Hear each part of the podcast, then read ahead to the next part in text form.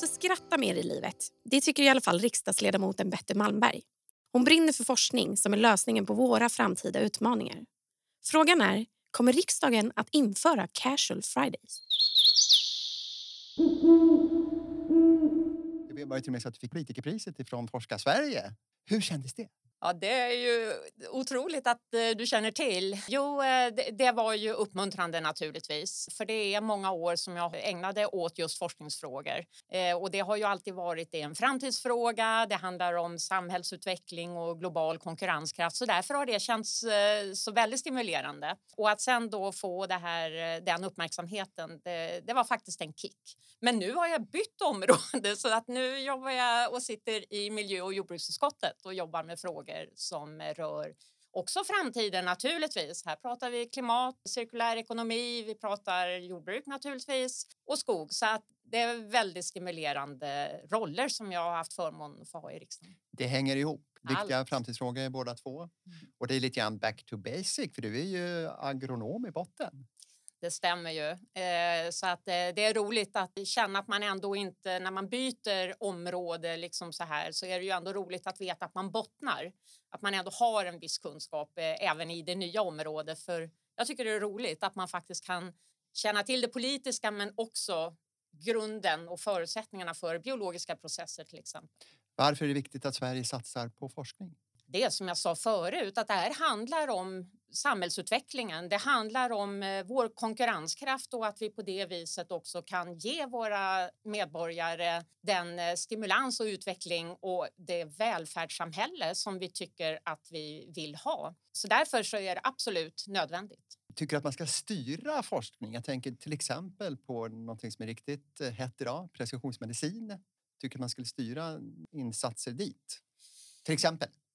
Ja, som ett exempel så finns det vissa sådana delar som kan vara viktiga för att initiera och ge en slags eh, push för den typen av forskning. Jag kan se att det är viktigt, men generellt, det kan ju inte vara de stora pengarna som går dit, men generellt måste vi ha mer kanske life science, klimat eller eh, om det handlar om cirkulär ekonomi. Så att vi ger i stora sjok så att det hur långt som det är möjligt kan vara forskarna som faktiskt plockar upp sina idéer och gör det nyfikenhetsbaserat. Och när vi pratar om forskare, hur gör vi akademin eller forskningsvärlden mer jämställd? För det är väldigt många kvinnor som studerar högre utbildning mm.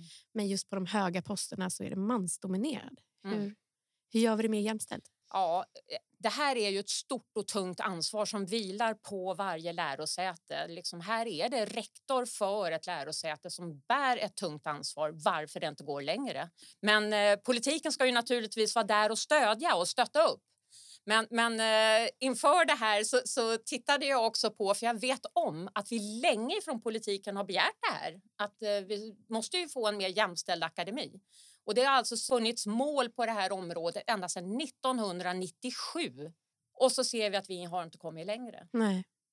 Och det innebär enligt min eh, uppfattning då att det kan inte bara vara politiken utan här handlar det om en kultur, en tradition och den måste brytas och där måste akademin ta sitt ansvar. Kan du förklara det lite mer, hur de ska kunna ta det ansvaret?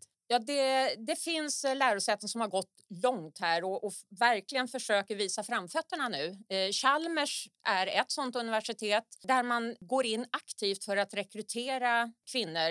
Eh, alltid naturligtvis måste de ju ha samma kvalifikationer.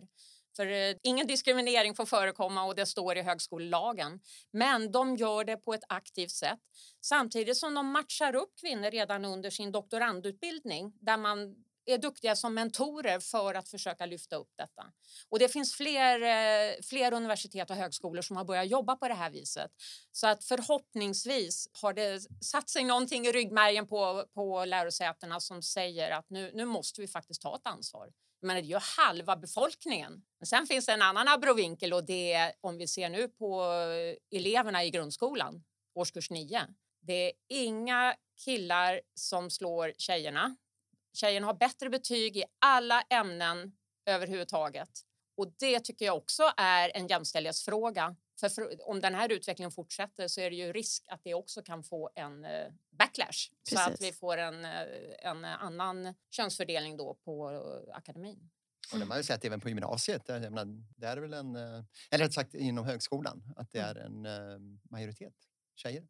Ja, det är över 60 procent. Precis. Ja. Och då är det ju lite intressant för vi sätter mål. Eh, Regeringen och politiken då sätter mål. 40 till 60 procent av de som blir professor ska vara kvinna. Men vad gör vi med just studenterna till exempel? Där Mm. finns det inga sådana. Det är ju ingen som slår i klackarna i backen och säger hallå, nu får det inte bli fler tjejer på utbildningarna. För det är ju ändå därifrån doktorander, postdocs och professorer en gång kommer att rekryteras. Så det ska bli jämställt på, på lika sätt helt enkelt. Mm. Att det får inte bli en backlash som Ja. du säger. Forskningens villkor är ju en hjärtefråga för naturvetarna Mm. inte minst. Och eh, vi har ju sett här till exempel att eh, många forskare får gå väldigt länge. Först kanske när de är fyllda 40 kan de räkna med en eh, tillsvidareanställning. Alltså otrygga anställningar fram till dess. Mm. Hur ser du på det och hur kan man råda bot på det? Det här är naturligtvis helt horribelt. Det, det kan ju inte vara så att man ska behöva bli 40 förrän man kan ta lån på och liksom låna till ett hus eller någonting. Alltså det är ju ingen vettig familjesituation eller privatsituation de här forskarna möter. Så att, att någonting måste göras, det, det är absolut ett faktum. Men jag tittade lite här också. och Liksom för fyra år sedan till den forskningsproppen, då handlade det om eh, meriteringsanställningar skulle kunna få prövas till eh, tillsvidareanställning. Då var det en stor fråga. Den frågan är passé idag, för nu vill man att man liksom direkt efter postdoc-stadiet ska kunna få en tillsvidareanställning. Och här är det väl lite svårt att veta exakt hur man ska gå fram. Jag förstår att facken och att forskarna absolut vill få tillsvidareanställningar tidigt i processen, självklart. Men sen finns det också vissa tendenser som säger att det kanske är bra med den här konkurrensen och det. Så att regeringen har sagt att de ska utreda och utvärdera det här och det tror jag är viktigt att göra. För nu finns ju i alla fall en tillsvidare, eh, att alla ska prövas för tillsvidareanställning efter meriteringen. Så att eh, jag tror det är viktigt. De fyra åren har gått nu. Nu måste vi utvärdera. Blev det bra? Måste vi skruva i systemet och så sen se då att vi kan ta nästa steg. Ja, för det är jätteviktigt som du säger, inte bara att man, man vill skapa sig ett liv men det är också en stress. Att du inte vet ifall du har en trygg inkomst Nej. eller hur ser det ut. Det är som när man, när man studerar. Alltså jag menar, då är det ju CSN men sen så går Mm. du också extra jobbar för du liksom bygger på och så längtar du till så här, examen, mitt första fasta jobb. Det är Mm. också en, Mm.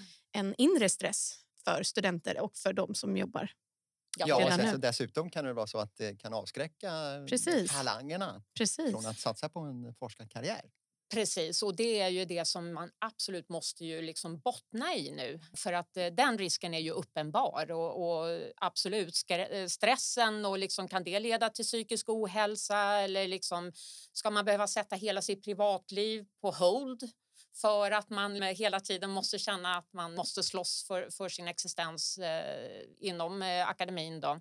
Alltså det, det kan inte vara schysst eh, mot doktoranderna eller mot eh, postdocs och, och forskarna att man jobbar vidare på det här viset. Så att, eh, jag tror att det kommer hända någonting, men jag tror inte vi är där riktigt än. Och jag tror att vi måste utvärdera först. Men vi har börjat kavla upp armarna låter det som. Ja, alltså i ärlighetens namn så är det väl så här att just de här frågorna, eh, de kommer in på slutet många gånger. Forskaren är ju egentligen förutsättningen för eh, det vi politiker vill ha och det vi vill se. Men många gånger så är det forskarens villkor som kommer in väldigt sent. Under alliansregeringens sista år där införde vi ju det här med doktorandanställningar och då så fick de doktoranderna det bättre och liksom så här då. Så att det tas steg men det går långsamt och för långsamt naturligtvis för de som det drabbar. Så jag kan mycket väl tänka mig också att man kanske gör internationella jämförelser, att det är lite grann motsvarande system i andra länder. Mm. Och det är argument man får höra ibland, att varför ska Sverige gå före och ändra det här? Mm. Som skulle kanske kunna vara en konkurrensnackdel, hävdar vissa. Vad tror du om det? Nej, ja, absolut att det skulle ju vara en fördel. Eh, det är det ju. För att eh, en trygg eh, situation på jobbet, det är ju faktiskt det det handlar om gör ju att man får en förmodligen bättre forskningsresultat därför att du får en, en en helhet i din eh, tillvaro istället för att du hela tiden ska stressa för att hitta nya eh, eh, liksom intäkter och, och på olika sätt då, eller hitta nya vägar att klara lägenheter och annat. din privatekonomi. Så att jag tror att det för, för forskaren och även då för forskningsresultaten så tror jag vi skulle få en annan effektivitet. Men jag tror att det är viktigt också att vi kan visa på de här delarna på ett sätt som vi inte kan se idag. Och det skulle nog vara en, en ehm, ett tips eh, till eh, er eh, inom naturvetarna och inom andra fack också att man inför forskningspropparna kanske är ännu bättre på att gå på oss politiker just vad det gäller den finansiella liksom, ekonomin. Många gånger de vi träffar, det, det handlar ju liksom om företag eh, som vi kommer att berätta om, om sina bekymmer och här måste ni satsa och liksom, nu vill vi göra det. Branschorganisationer är på oss. Men facken är inte alltid lika i frontlinjen. Nu läste jag ert remissvar på, på forskning och där finns ju otroligt mycket som hade varit intressant att få sitta ner och diskutera och också få fram lite siffror på. För det är många gånger det också som vi behöver. Vi, vi kommer, vi kommer tänker jag. Alltså, det är väl ingen att tveka på. Vi fick en inbjudan här på Alice. Ja, ja verkligen, det låter ju verkligen så. In med PK bara. Men det är liksom ett tips ifrån dig att vi skulle kunna vara lite mer på, inte bara när det gäller kontakten med dig då, utan politiker överhuvudtaget. Ja, det tycker jag. Mm. Eh, och i synnerhet då kanske nu efter två år eller någonting i mellantiden nu på forsknings, eh, den nya forskningsperioden. Varför inte liksom eh, knacka på dörren hos framförallt utbildningsutskottets ledamöter. Det, det är liksom några enstaka då som jobbar just med forskningsfrågorna knacka på dörren och liksom säga att vi, vi skulle vilja berätta lite om hur vi ser att våra eh, forskare och våra medlemmar, eh, vad de eh, ser som problem och, och ser som möjligheter och vad, vad, vi skulle behöva få åtgärdat. Här fick vi de bästa tipsen för ja, politisk påverkan. Ja, vi, vi ringer.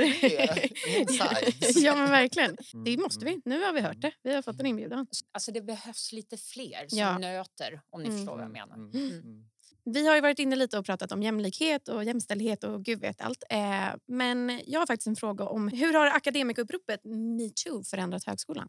Det är väldigt svårt eh, för mig att veta, ärligt talat. Att det var en viktig, eh, ett viktigt upprop, det är absolut så. Och det såg vi över hela samhälls, samhället. Och naturligtvis så ser jag ju att de som var aktiva och drev frågan säger att de tycker att eh, klimatet har blivit bättre, att det är lättare att prata om de här frågorna. Men från det och också att ledningarna tar dem på större allvar. Men från det till att veta att det faktiskt har blivit bättre, det kan man ju inte gå i god för. Så jag tänkte faktiskt i alla fall ändå nu att jag skulle ställa en fråga till ministern om detta och höra på vilket sätt man följer upp. För det när vi som politiker agerar så handlar det ofta om det handlar om pengar och det handlar om att vi vill klippa band för någon ny satsning och vi liksom sätter ner foten och säger nu satsar vi på metoo, det här ska bli liksom åtgärdat. Och den frågan ställde jag till dåvarande ministern då. Men eh, nu handlar det om vad har hänt då sedan 2017? Så att eh, det var faktiskt en idé jag fick då eh, från eh, det här. Eh, så att jag ska ställa frågan. Kul, det ser vi fram emot. Den, det svaret. Mm. Vad som händer. Mm. Kul. Ja, men det var ju viktigt. Alltså, det behövdes ju verkligen röras om. Herregud. Mm. Alltså, så, punkt. Alltså, det går ju inte att säga någonting annat. Eh, så en uppföljning ser vi fram emot och mm. höra om vidare.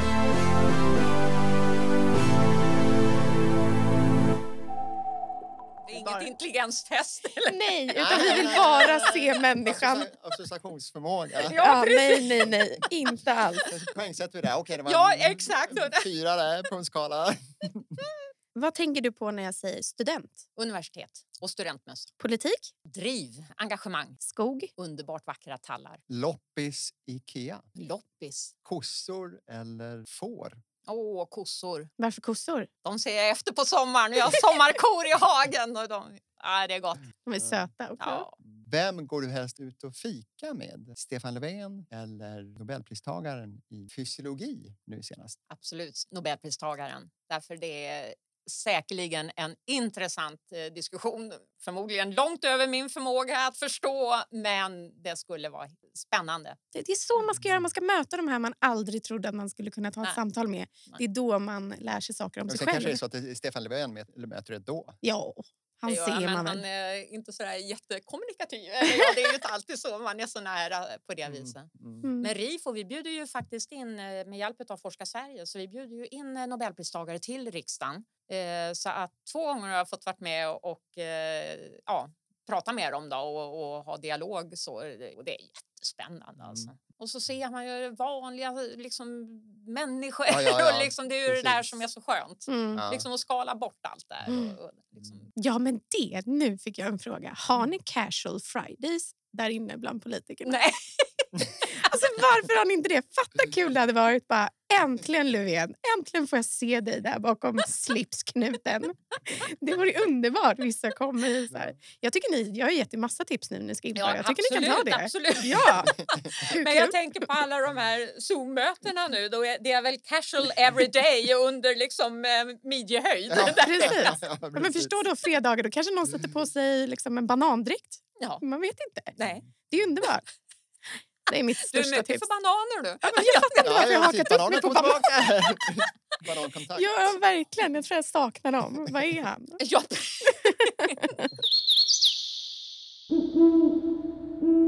Vi vet ju att eh, under din, dina år sedan som Mm. du pluggade Mhm. förstås. Och studiemedlen har ju eh, förändrats efter det. Mm. Men hur mycket de har förändrats det har inte jag riktigt koll på. Men är din känsla att eh, studiemedlen som de ser ut idag är tillräckliga? Och är det möjligt att kombinera med till exempel att vara småbarnsförälder? Finns de förutsättningarna? Jag eh, tror att det gör det. Eh, nu kan jag bara se på mina egna ungar som har börjat plugga. Några av dem har börjat plugga sent här och eh, det verkar inte vara ett problem. Ehm, men det som har varit mycket det är ju det att man kanske höjde lånedelen så att du alltså kan få tilläggslån då för barn och det och det är där man har höjt, kanske inte bidragsdelen i samma utsträckning. Och det är ju mer en politisk prioritering då och också kanske en resursfråga. Det kanske var de pengarna som fanns tillgängliga då. Men sen framför allt nu så handlar det ju om hur ska vi klara studiefinansieringen framåt? Vi talar livslångt lärande, vi talar att eh, du ska kunna låna pengar till du är 60, liksom där ska gränsen gå och så ska du ha betalt tillbaka till 65. Men jag menar, ska vi ha det här livslånga lärandet så måste jag ju ha möjlighet att kunna låna pengar. För det är ju inte alltid att det är arbetsgivaren som kan betala det här. Så att där måste man ju också lägga in lite krut nu för att se på hur realistiskt är det egentligen, det livslånga lärandet? Och har vi gett rätt förutsättningar för det? Ja, just det. Och kanske inte minst med tanke på att vi ska jobba till vi är... eh, 100 typ. 70 räcker ju inte. Utan Reinfeldt pratar om 75. 75 talar Ja. Då vill jag också att han jobbar till han är 75. Han får inte gå i pension utan det ska vara jämnt för alla här skulle jag vilja säga. Ja, precis. Men det måste, som sagt det måste finnas förutsättningar för det och eh, Ja. möjligheter till karriärväxling. Mm. Precis. Mm. Men jag tror att det är, ja, det, är, det är fina ord, höll jag på att säga. Nej, men man måste, som du säger, man måste också kolla på alla förutsättningar Mm. för det. För att jag tänker, om jag jämför med mig själv. När jag studerade så tog jag ju full CSN-lån. ehm, och man får ju alltid bidrag då, men jag var ju ändå tvungen att jobba extra. Ja. Men däremot, nu har jag ju en sambo och då Mm. skulle det bli lättare. Men Mm. om man är ensamstående mamma, pappan existerar inte Exakt. eller tvärtom. Då är det ju svårt att få Mm. ihop livspusslet med den pengen. Liksom. Mm. Så att jag tänker att här, man får verkligen utvärdera och se. Mm.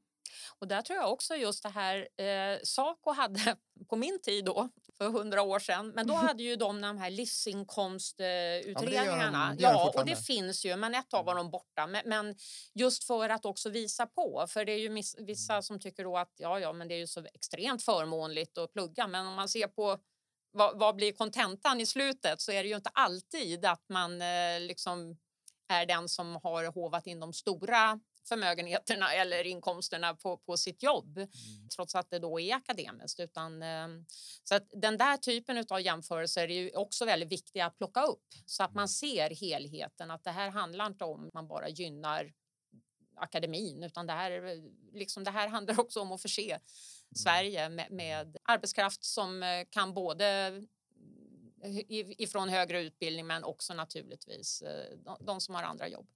Alla jobb är viktiga, Mm. även akademins. Ja, men jag tänkte på ett annat problem för studenter idag. Det är ju bostadssituationen. Det Ja, kanske är herregud. Ja. ett större problem. Ja, men det är så många bitar i det där. Dels den ekonomiska biten Mm. är jättestor och att studenter letar boende och känner stress att de inte har ett liksom, tak över huvudet. Men de vill, de vill ge sitt till samhället. De vill ge de här nya möjligheterna för att Sverige ska bli liksom, hållbart och allting mm. sånt. Men det är en enorm stress, det här, bo, alltså, boendesituationen och sova på folks soffor. Och det blir inte bra resultat på sina studier. Och, eh, vi kan ju se nu att den psykiska ohälsan ökar bland våra studenter redan på gymnasienivå men framförallt på universitet. Mm. Hur ser du på det? Nej, det, det, är ju liksom bara skrämmande. Det är ju liksom psykisk ohälsa överhuvudtaget eh, från unga år är ju en väldigt svår eh, livssituation. Och ska man dessutom då plugga så jag menar det här är ju sånt som bara bör fungera. Det intressanta tycker jag, jag tänker då på boendesituationen inte minst då, men eh, jag har ju sett att det finns lärosäten nu, högskolor där de går ut och säger helt enkelt att vi ger boendegaranti. Och det är ju naturligtvis ett sätt där man möter eh, den stora stressen som terminstarterna innebär. Men eh, jag har inte sett att det är någon av storstäderna som ger den här boendegarantin utan det är ju eh, framförallt mindre högskolor då som ser att det här är ju faktiskt ett, ett, eh, attrakt, en attraktivitets och pullingfaktor då för dem. Så det, det tycker jag är Men varför bra bygger vi inte fler studentbostäder? Alltså jag tänker så här, om man lite som USA. Mm. Där är ju liksom the dorms. Det var ju där man ville plugga för att man mm. fick hänga ihop och det blir något helt annat. Mm. men det som du är inne på, jag hade vänner som var i Umeå och de hade ju lättare än vad jag i Stockholm. Alltså så. Mm. Eh, finns det någon, kan man göra någonting sånt? Att man liksom bygger i Uppsala, bara drar upp massa studentboenden? Jag, jag vet att det har gjorts, eh, man har fått eh, pilotförsök och, och liksom där man låter faktiskt eh, universiteten då, eller högskolor att själva vara med och bekosta det här.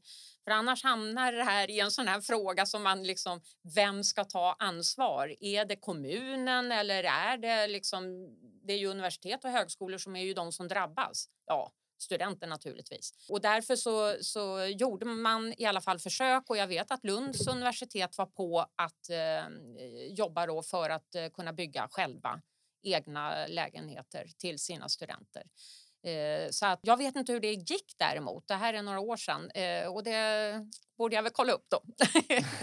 Men att det behöver göras, absolut alltså. Och jag menar här... Eh, och det är inte den enda psykiska stressen de har? Nej, liksom det finns för mycket, så är det. Och, och att man får mycket mer av tillgänglighet till studenthälsa och, och ja, liksom vanliga vårdinstitutionerna i Sverige måste ju också på ett annat sätt plocka upp det här med psykiska ohälsan i ett tidigt skede. För det, är ju, det handlar ju om att möta det här tidigt. Verkligen. Det, ja, det är ju en hjärtfråga för mig. Men, mm. um, Ja, jag tror verkligen inte att det kommer bli det kommer inte bli hållbart om vi bränner ut våra studenter innan de ens har kommit ut i arbetslivet. Och det är ju någonting vi måste ta i. Liksom. Och det blir ännu tydligare idag med pandemin när många mm. sitter hemma. Mm. Eller flertalet sitter ju hemma. Mm. mm. Åtminstone på eh, universitetsnivå. Ja. Och även på lägre nivåer förresten också. Gymnasiet håller Ja, det har de ju all, skickat alarmerade ja. frågor om också. Mm. Eh, framförallt de som lever i våldernära relationer. Det finns ju jättemånga barn som är med sjuka föräldrar. Alltså, oh, ja. mm. Så det är ju det är otroliga siffror. Men eh, jag tänker att det är ju äntligen har det kommit upp på tavlan och vi har mm. börjat våga prata om det för det är inte lika tabubelagt längre. Det är fortfarande tabubelagt men ändå inte. Vi börjar ta i det. Men jag tänker att där behövs ett riktigt sväng om i politikerlokalerna mm. och mm. ta det verkligen på allvar. Mm. Annars har vi ingen arbetskraft kvar. Nej, jag håller helt med dig. Alltså, för Det här är ju att jämställa med utbrändhet liksom, och då kanske man är 25 år. Liksom. Det, här, det funkar ju inte. Nej. Utan här handlar det om att sätta in insatser och åtgärder tidigt. Men det återigen, alltså, mycket, jag sa tidigare det här att det är viktigt att man också följer upp och kollar då, vad är det egentligen som funkar. Eh, och där är inte vi tillräckligt duktiga vill jag hävda och det är politiken som, som eh, fallerar för vi är inte där och ställer frågorna. Vad hände? Liksom, vi är där och säger ja men vi går ditåt. Men kom vi dit? Ja, det är vi inte så noga med. Utan då kanske vi liksom hellre... Inte bara släcka bränder? Liksom. Nej, precis. Då hoppar vi in i en ny fråga och så är det så. Och inte för att raljera med politiken, men vi måste bli duktigare på att faktiskt värdesätta det här med uppföljning och utvärdering, för det är viktigt. Och kopplat till det eh, så är det ju, och forskningen då, så är det ju en diskussion som har uppstått nu. Det är ju det här med replikering är ju en fråga där man liksom vill upprepa så att man ser att man får samma resultat om det är en annan forskningsgrupp som gör det på precis samma sätt som, som den första forskningsgruppen gjorde. Och eh, där finns det ju liksom eh, rätt skrämmande siffror att kanske bara en ja, 35 procent tror jag hörde när det just gällde psykiska frågeställningar som kunde upprepa och få samma resultat som den tidigare forskningsgruppen. Och här är ju riktigt viktigt då att man borrar igenom för att se liksom, vad är det för åtgärder då? Då har vi ju inte hittat de allra bästa. För då kan vi inte lita riktigt på forskningen i det läget. Och där måste vi också hitta ett sätt att försöka bli mer så att vi effektiva så att vi håller tilliten och trovärdigheten till forskningen också genom att vi faktiskt kan upprepa de här olika Men det kanske också visar att det är ett ganska svårt område att forska om. Absolut. Det är, liksom, det är inte svart eller vitt utan Nej. eh, Det är lättare med fyrkanter ja, ja, och... och eh, på sitt sätt är naturvetenskapen ja. lite enklare. Ja. Nej, men så är det. liksom tydliga svar. Mm. Men det är ändå kanske spännande Ja. och, och, och liksom vara varse att det här också är en problematik som finns. Mm. För den pra- har vi ju inte pratat om så mycket. Men jag skulle, alltså mitt tips skulle vara att slänga in lite, poli slänga in lite politiker. Mm. Nej, men åka på universitet, göra lite Ja. så här, i en buss, möta studenterna. Vad är det Mm. ni behöver? Vad är det Mm. som är jobbigt? Hur Mm. mår ni? Vad är, alltså Mm. så. Mm. För att jag vet att de skriker om det där. Mm. Ehm, och då kan man också få med de som in, ännu har liksom så höga ambitionsnivåer så att de går sönder. Men då kanske Mm. de kan sitta och bara lyssna med och att så här, nu blir vi hörda. Nej, men det är jättebra. Det är bra tips. Och, och vi försöker ju träffa SFS och, och liksom då Sveriges förenade studentkår. Många partier har egna högskoleförbund också som, som jobbar särskilt med, med studentsituationer och så. Så att eh, vi försöker väl lyssna in, men, men eh, man kan aldrig lyssna nog. Nej. Det, man måste ha så stora öron. Här kommer faktiskt en bonusfråga. Nämen! Det är inte så många naturvetare som sitter i riksdagen. Vi brukar kunna räkna det där i eh, samband med riksdagsvalen. Mm. Det brukar kunna komma upp i en 15 personer runt. Oj. Det kanske är många ändå. Ja.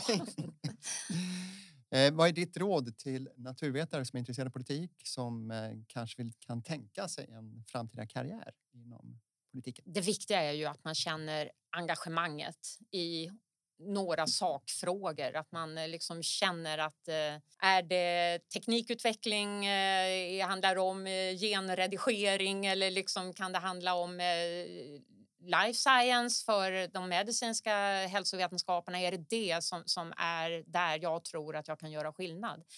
Ehm, du måste brinna för frågor som, du kan känna att här tror jag faktiskt att jag kan göra skillnad. Sen måste man ju naturligtvis också ta ett steg in i ett politiskt parti och det är ju där man måste faktiskt göra sig känd och, och också visa på vad jag faktiskt kan i de här frågorna. Eh, så att det, det är ju liksom en parering här när man börjar brinna och eh, när man eh, känner att, att man har tur också att bli nominerad ifrån sitt parti. För det är ju liksom, det är ingen karriär kan man inte säga utan det här är ju liksom ett bananskal kan man, som man halkar in på och ibland halkar ut. Det är ju faktiskt så. Det, det går inte att styra.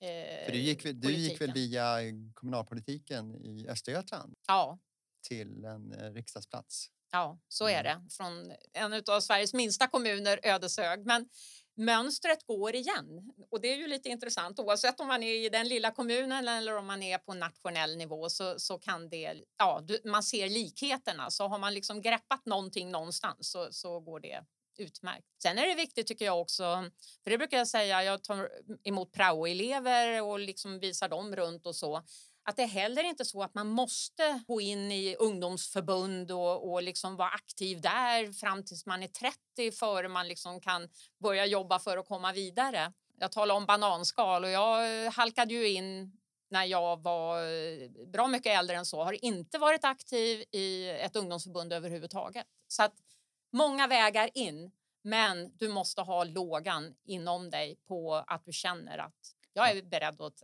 satsa på det här. Man vill förändra. Mm. Ja, när det är Mm. med cirkulär ekonomi Mhm. som du är engagerad i idag, eller Mm. det utskottet. Mm. miljö och jordbruksutskottet. Mm. Vad är liksom hett där? Hur långt, vad vill politikerna? Det finns eh, stor samstämmighet mellan eh, alla partier här nu för hur, att det här är en viktig fråga och hur vi liksom ska gå framåt. Men nu har regeringen gjort, eh, tagit fram då en strategi och sen så kommer då en handlingsplaner och den har precis kommit. Så att nu får vi se lite liksom vad som blir action i det här. För ibland är det ju den onde sitter i detaljerna här nu då, och då är väl frågan vart vi tar vägen. Men överlag en stor samstämmighet och så kan det väl vara lite vägen dit som, som, eh, där vi kan glida isär. Och här har man ju också sett att det finns ganska många fria initiativ där ute. Mm. Både bland företagen, Ikea vet jag ju till exempel Mm. håller på med det här, men Mm. även egna privata initiativ om, eh, där man anordnar eh, försäljningar, inte, inte rena loppisar då, utan mer att man liksom Bytardagar och bytardagar Ja, och även att man renoverar gamla möbler kanske Mm. för att Mm. kunna återanvända dem. Nej, men eh, det- här är ju coming och, och faktum är ju att det är ju egentligen EU som har dragit upp eh, liksom frågeställningarna kring detta och, och liksom gett direktiv att det här är frågor vi måste jobba med. Så att eh, det tycker jag också förtjänar att nämnas att eh, de ligger på eh, för att vi ska ta ett ansvar för de här frågorna som handlar om hållbarhet och det tycker jag är bra. Och sen är det väl ett himla flyt att också yngre generationer börjar bli så himla intresserade av hållbarhet och att eh, loppis är, det är liksom inne nu. Det är hett Mm. med... Man ska, man, vi kanske ska skola om oss till möbelrestaurator. Tapetsera? Ja, tapetserare. Nej, ja. inte bara utan möbelrestaurator. Min brorsa är Ja, det. Ja. okej. Han går in Ja. på museum och du vet, så här, drar fram gamla så gör han samma lim som de hade på 1800-talet. Alltså, förstår ni? Han, Mm, allt det mm. där. Så han kan, man slänger inte den där gamla Nej. La la la utan då går man till brorsan. Alltså, det är så jag menar. Och det är väldigt. Häftigt. Mm. Så att det, ni har ju en liten, ett bananskal där. Som Där du kallar är det. ett stort bananskal. De yngre är mer, det är det jag vill Ja. säga. Nej, men absolut. Men avslutningsvis så skulle jag vilja att du delar med dig av ditt livs bästa lifehack. Vad är det? Vilket är ditt lifehack? Vad är ett lifehack? Jag vet Ja, inte ens är vad det är. ja, jag, jag, jag, kan, jag kan säga så här, jag, jag visste inte heller. Jag tänkte att ja, jag undrar om, jag undrar om Betty kommer veta det. Men då ska jag förklara vad det är. Ja, tack. Ja, men det kan vara... Tänk nu på det. här är diskriminering mot ålderstigna Ja, människor. Ja, kul. Lifehack är alltså typ Livstips va? ja, men, ja, lite livstips. Till exempel så här, ja, men jag tömmer alltid ut luften ur chipspåsen när jag stoppar den i, på, i matkassen för då får jag plats med mer matvaror. Eller Då blir chipsen förstörda. För idioti? Eller typ jag, eh, jag väljer alltid att gå av busshållplatsen en station tidigare för jag vill se något nytt. Jag vet inte vad jag... Okej, då vill jag... Nej, då har jag en ännu bättre fråga. Vi skiter i lifehack. Vi, jag märker det. Alltså. Jag märker. Då har jag... Skratta avslut- ofta hade jag sagt. Ja. Ja, men det är ju bra. Ja. Det är ju ett jättebra lifehack. Skratta ofta, så ofta du kan. Men jag tänker ändå ta den här Ja, också som jag kom på. Om du skulle träffa dig själv som 13-åring, vad skulle du säga till henne då? Du duger bra. Tack snälla för en fantastisk, eh, fantastiska minuter tillsammans med dig Betty. Det var jättekul att träffa dig. Har du någonting att säga i slutet på ingen Palle? Nej, jag vill bara tacka Betty så mycket och jag tycker hon levde upp till förväntningarna mer än väl. Men Och vi verkligen. fick ju bra inblickar i politiska livet och Absolut. hur man, inte minst det här tipset om hur man kan påverka. Ja, och vi gav bra tips på vad ni kan ta in. Casual Friday till exempel. Ja, Absolut. det var ju kul. Ja. Jag skriver upp. Ja, men jag bra. noterar. Skriv upp, skriv upp.